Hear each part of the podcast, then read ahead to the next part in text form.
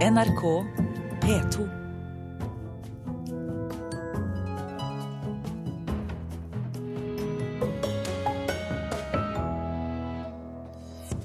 Forventningene er store når Bergen åpner samtidskunstens svar på Festspillene. Norsk fødselssimulator henter hjem internasjonal designpris. Kunstnere stemmer gjerne Miljøpartiet De Grønne, men hva slags kulturpolitikk har egentlig partiet? Det blir utspørring i Kulturnytt. Som i dag er ved Thomas Alverstein Ove. I morgen åpner det som skal bli landets viktigste kunstmønstring. Det er i hvert fall ambisjonen hos politikerne i Bergen, som har brukt sju år og 16 millioner kroner på å få i stand byens første internasjonale triennale for samtidskunst, Bergen Assembly. Uh, welcome to the press, to all journalists, all writers, all artists. Et stort internasjonalt korps av journalister og kunstbransje stilte til pressekonferanse for den aller første triennalen for samtidskunst i Bergen i går. Jeg må innrømme at uh, I begynnelsen så var det en ganske fremmed tanke. Men jeg har tenkt at det må festspillene, tanken om festspillene òg ha vært for uh, 60 år siden. Byrådsleder Monica Mæland har høye forventninger Snart sju års planlegging er tilbakelagt, og lørdag er offisiell åpning av det politikerne vil skal bli samtidskunstens svar på Festspillene i Bergen. Ambisjonen er å bli en viktig arena for samtidskunst eh, av internasjonalt format. Tipp topp format. Eh, dette er ikke en, eh, sagt, en lokal lekegrind. Til nå har kommunen satsa 16 millioner kroner på triennalen, som har fått navnet Bergen Assembly, og altså skal gå av stabelen hvert tredje år. Til sammen 52 internasjonale kunstnere stiller ut i elleve ulike lokaler rundt i Bergen sentrum under den første utgåva. Årets kuratorduo David Riff og Ekaterina de Gaulle fra Russland er minst like spente på resultatet som politikerne. Well, we're doing just the first edition, so we're completely free to do whatever we want. And we've decided to do quite an unusual thing. De har valgt en sovjetisk science fiction-roman fra 1964, 'Mandag begynner på lørdag', av Arkadij og Boris Trugatskij, som inspirasjon for triennalen. Kunstnerne har fått i oppdrag å drive kunstnerisk forskning, bl.a. på hva fellestrekk som finnes mellom det gamle Sovjet og dagens Norge. Well, Norwegian society is seen by many as the last socialist uh, country in the world, and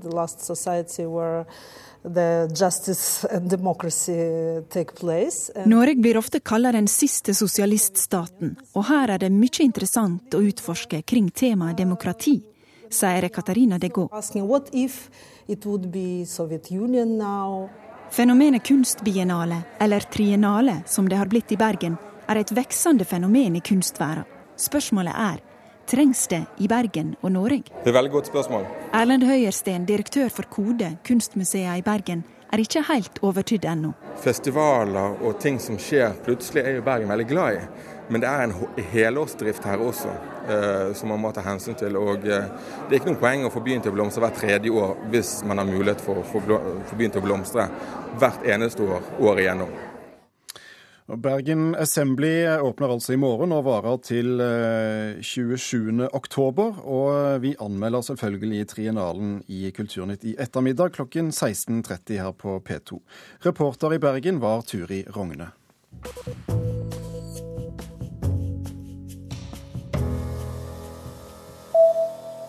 Det norske selskapet Lærdal Global Health har vunnet verdens største designpris, danske Index Award. Selskapet får prisen for å ha designet fødselssimulatorer og andre produkter som skal bidra til tryggere fødsler i utviklingsland. Tor Inge Garvik i Lærdal Global Health har, er svært glad for tildelingen. Eh, det er en veldig fin anerkjennelse eh, av, av arbeidet vi gjør og det, de løsningene vi har eh, fått fram sammen med partnere. Og det, det er en, Prisen er Sånn, jeg er industridesigner av bakgrunn, og det er en pris som er spesielt kjekk eh, innenfor designfeltet. I og med at han eh, fokuserer på Han har et slagord som er 'Design to improve life'. Så det, handler, det er en litt sånn annerledes designpris. Det handler om eh, Han fokuserer veldig på kreativ problemløsninger, og han holder fram løsninger på viktige samfunnsutfordringer. Hvor viktig er design for dere? Design eh, i betydningen å, å, skape løsninger på problemer som er reelle, og som, eh, som da får fram løsninger som har en betydning for folks liv, er veldig viktig. og Det er det vi, det er det vi jobber med. Vi har et fokus på eh, å redde liv i forbindelse med Day of Birth, fødselsdagen. Eh, og der er design eh, der er det et enormt potensial for at design kan redde liv. Det sa Tor Inge Garvik i Lærdal Global Health til reporter Espen Alnes. I går åpnet Døgnvillfestivalen i Tromsø. Festivalen er en av Norges ti største musikkfestivaler, men har siden i fjor slitt med store økonomiske problemer. Og går ikke Døgnvill i pluss i år, er trolig festivalen historie.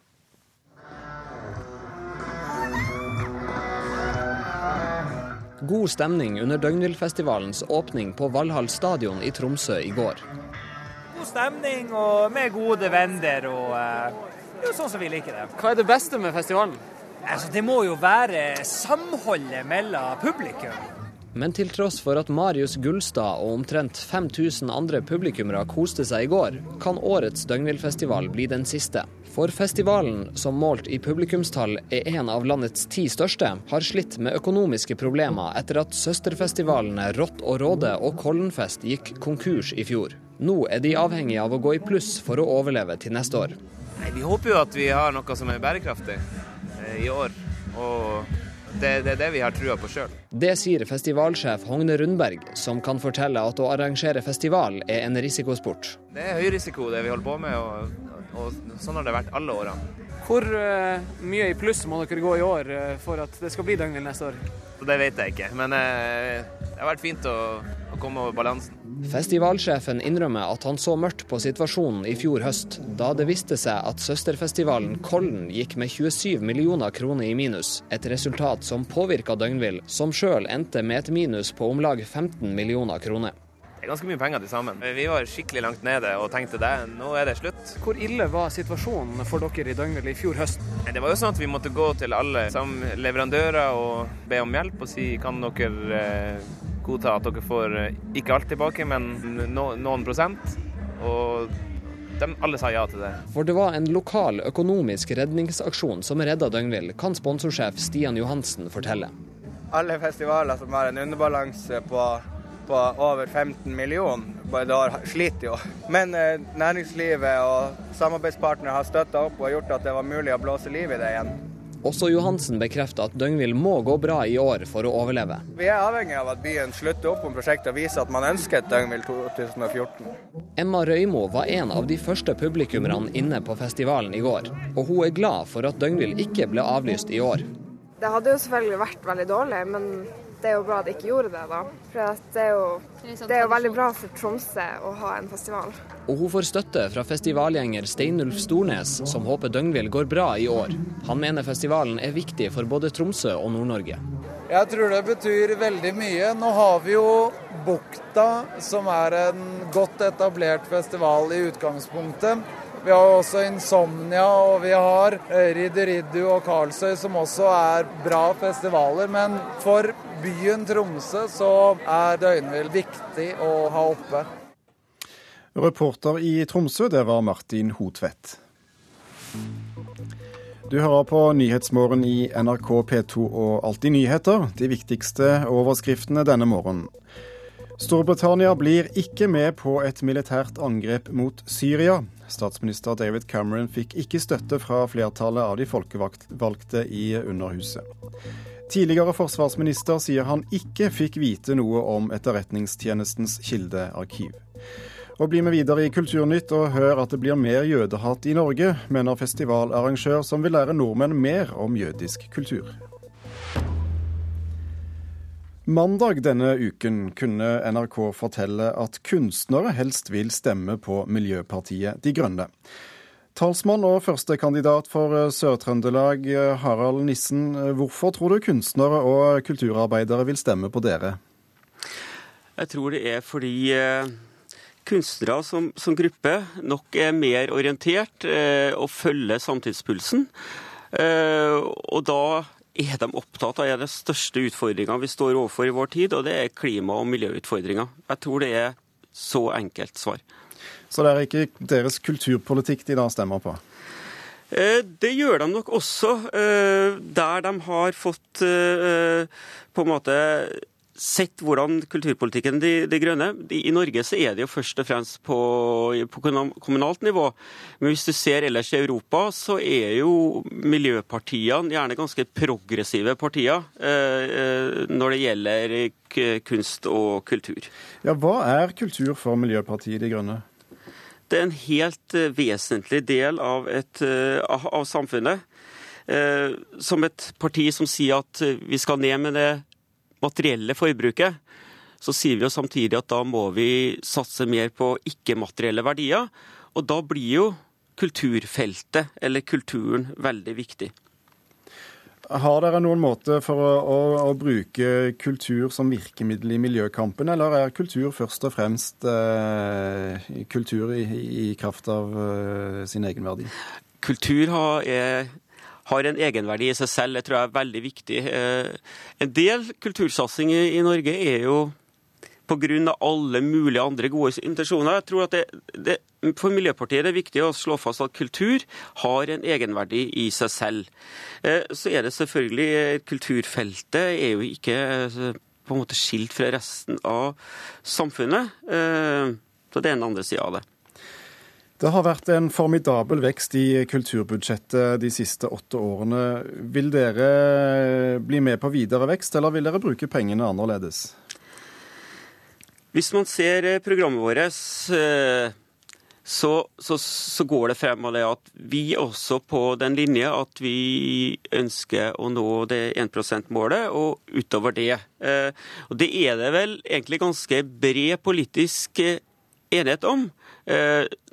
Uenigheten kommer vel til syne når man begynner å diskutere hvordan man skal bruke det. Og Regjeringa la jo nettopp frem lovnader at man skal øke det, men det var jo ganske ullent på hvordan man skulle bruke de pengene fremover. Dere mener tilgang til internett er en menneskerettighet, og eh, alminnelige borgerrettigheter må gjelde også i den digitale verden, er et eh, stort punkt i, i programmet. Er ikke det tilfellet i dag?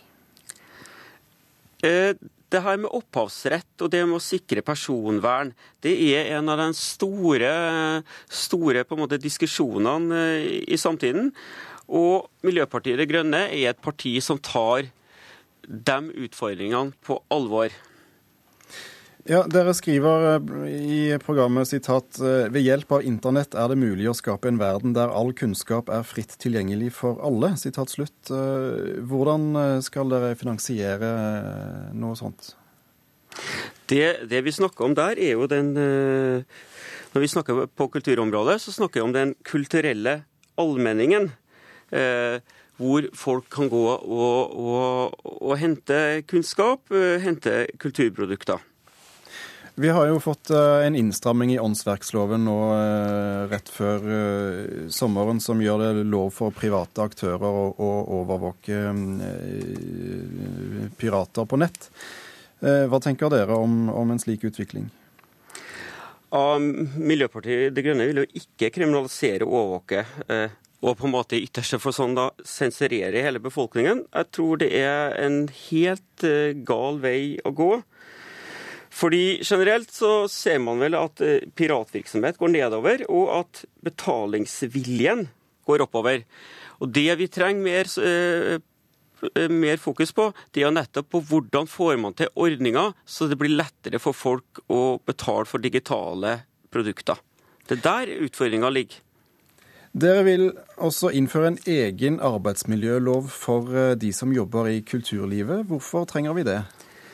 Jo, fordi man vet at uh, en del kunstnere og musikere etter et langt uh, kunstner- eller musikerliv, så, så, ender de opp som minstepensjonister. Uh, og det er ikke verdig, så vi ønsker på en måte å løfte dem som arbeider innenfor kulturfeltet, og gi dem en del rettigheter som andre arbeidstakere tar som en selvfølge i dag. Dere er glad i Riksteaterets aktivitet ute i distriktene, men er det god miljøpolitikk å, å sette flere busser og trailere med, med kultur på veiene? Jeg tror ikke det er Riksteatrets eh, kulturbusser som gjør at den planeten her har noen eh, problemer. Eh, jeg tror vel det er heller den økte transporten over Dovrefjell eller over fjellet til, Bergen og til Vestlandet som, som er problemet. Så nei. Harald Nissen, talsmann for Miljøpartiet De Grønne og førstekandidat for Sør-Trøndelag, takk for at du var med oss i Kulturnytt.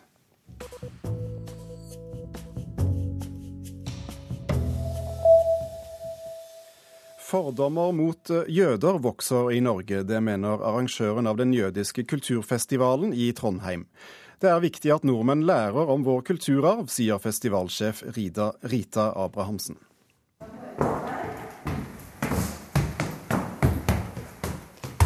Rita Abrahamsen, arrangør av den jødiske kulturfestivalen, viser vei opp trappa til verdens nordligste synagoge. Nå er det sånn at det har bodd jøder i Norge i ca. 150 år. Og vi ønsker å være en del av det kulturelle mangfoldet i Norge. Og da er det veldig viktig at storsamfunnet vet om oss.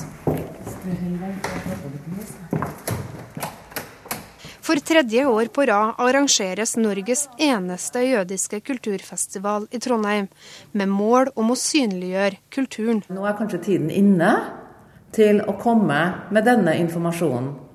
Også fordi at vi ser dette ja, dette jeg holdt på å si mangehodet til trollet, da, antisemittismen, som vokser opp igjen, og konspirasjonsteoriene som lever i beste velgående.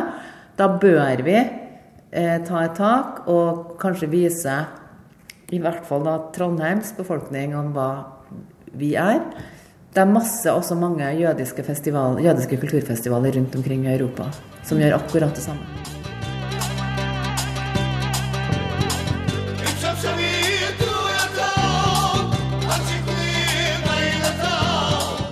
Abrahamsen mener nordmenn kan for lite om den jødiske kulturen men det er ikke så rart. Det at den ikke er så godt kjent i Norge, det kom av at gruppen som kom til Norge, var ikke noe spesielt stor gruppe.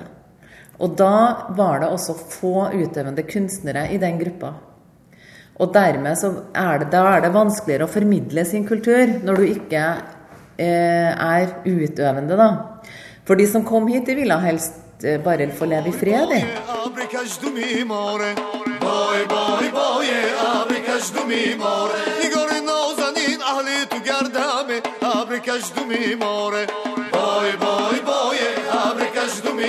På festivalen får man oppleve jødisk kultur, mat, foredrag og musikk. I år, som i de foregående årene, har ordfører i Trondheim Rita Ottervik åpna den jødiske kulturfestivalen. Og Ottervik håper at festivalen blir en tradisjon i Trondheim. Jeg er opptatt av toleranse, og at eh, vi eh, skal arbeide for åpenhet og det å ha både kunnskap og en oppfatning av eh, ulikheter i samfunnet vårt som noe genuint positivt. Og jeg tenker at det, En slik festival er med på å bidra til det, til å synliggjøre en minoritet i bysamfunnet. Samtidig som jeg tror også at den er med på å ufarliggjøre og kanskje slå gjennom myter.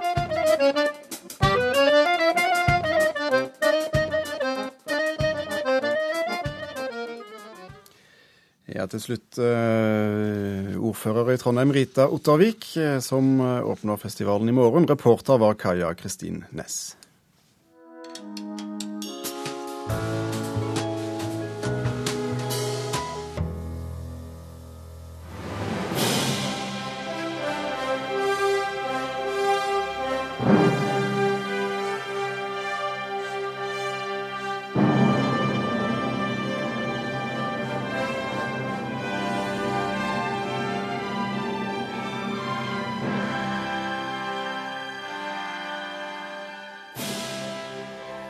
Disse mektige tonene kunne publikum oppleve i Stavanger konserthus i går kveld. Da hadde Stavanger Symfoniorkester sin sesongåpningskonsert i en fullsatt Fartein Valen-sal.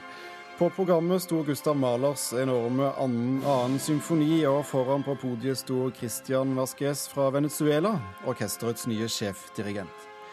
Øystein Sandvik, vår klassiskanmelder nå i Stavanger. Var det en god debut? Ja, det var det absolutt. Altså, dette var et stort løft som lykkes langt på vei. Det er jo et enormt apparat i dette verket. Et, utvidet, et orkester med utvida besetning. Det er kor og solister i den svære femte avsluttende satsen, og i tillegg musikere plassert offstage. Altså de spiller bak sidedørene, så man fornemmer lyden i det fjerne. Og Vasques hadde god kontroll uten å kontrollere for mye. Eh, og orkesteret kvitterte med å spille bedre og bedre utover i dette enorme verket på bortimot halvannen time. Men du sier eh, lykkes langt på vei. Hvor var det det skortet? Altså Man hører at Stavanger symfoniorkester ikke er et eh, orkester helt i elitedivisjonen. F.eks. klangen i fiolingruppene mangler den kjernen som gjør at den balanserer optimalt mot de andre gruppene. Så det var litt balanseproblemer, særlig mellom førstefioliner og horn.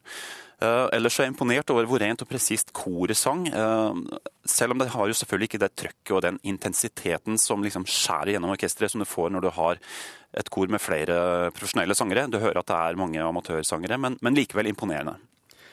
Man hører jo ofte snakk om det latinske temperamentet til disse unge dirigentene med bakgrunn fra Il Sistema-bevegelsen i Venezuela. Merket du noe til det? Ja, altså det er jo så rart med det med følelser uh, i musikk. altså Det holder jo på en måte ikke at blodet bruser. Det handler om teknikk også, og det å planlegge og kontrollere et uh, forløp. Og Når det gjelder Maler, så blir jo dette ekstra, ekstra spesielt pga. den særegne karakteren i Malers musikk. Altså den modernistiske blandingen av stilelementer. Den banale ompa-musikken og dette sentimentale schmaltz-greiene som Maler driver med midt oppi alt uh, det modernistiske dissonerende. Denne eiendommelige blandingen av håp og håpløshet, hvor ironi og tvetydighet blir uh, vesentlig, og dette gjelder jo særlig og ikke minst uh, andre og ikke minst tredje sats. Uh, og vi fikk vel kanskje aldri helt høre denne tvetydigheten under Vasques taktstokk, men det var gode ansatser absolutt underveis. Det er to sangsolister her også. Hvordan var de? Ja, Det var uh, en nederlandsk sopran som heter Lisette Bolle. Uh, hadde en vakker stemme som ikke nådde helt ut i salen. Det gjorde derimot kveldens store stjerne, den tyske messosopranen Alexandra Petersammer, som var i en klasse for seg. Hun kommer rett inn fra Bayreuth og rollen som en av valkyrene i Wagners Ring, og reiser seg opp i Stavanger konserthus og gir en så uttrykksfull fremførelse av denne ordlistsatsen, den fjerde satsen, at den blir en slags vendepunkt i hele symfonien. Og det påvirker hele det svære apparatet. Altså, ting faller på plass og finner en ro. Og, og gjorde at finalen virkelig ble det høydepunktet i verket som den skal være. Til slutt, dette var jo altså 28 eh, år gamle Christian Vasquezes eh, første konsert som sjefdirigent. Eh, lover dette godt for fremtiden? Det tror jeg absolutt at det gjør. Altså Christian Vasques er et stort uh, dirigenttalent som vil fortsette å utvikle seg framover. Og pussig nok så er det kanskje ikke så stor avstand mellom det latinamerikanske og skandinaviske temperamentet når det gjelder klassisk musikk. Altså Det er denne kollektivistiske og antiautoritære, antielitistiske holdningen til orkesterkultur som jeg tror appellerer til norske uh, orkestermusikere. Og utfordringen for Vasques blir jo da å løfte orkesteret i kjernerepertoaret, altså dette sent 1800-tall, tidlig 1900-tallsrepertoaret. De er jo gode. De har jo spesialisert seg på å på en måte gjøre tidlig musikk på en måte som nærmer seg en historisk eh, fremføringspraksis. Så det er kanskje kjernerepertoaret som blir utfordringen. Så det blir spennende å følge Vasques i årene som kommer. Vi skal gjøre det. Tusen takk skal du ha, Øystein Sandvik. Og vi skal avslutte med litt flere toner fra Malers andre symfoni.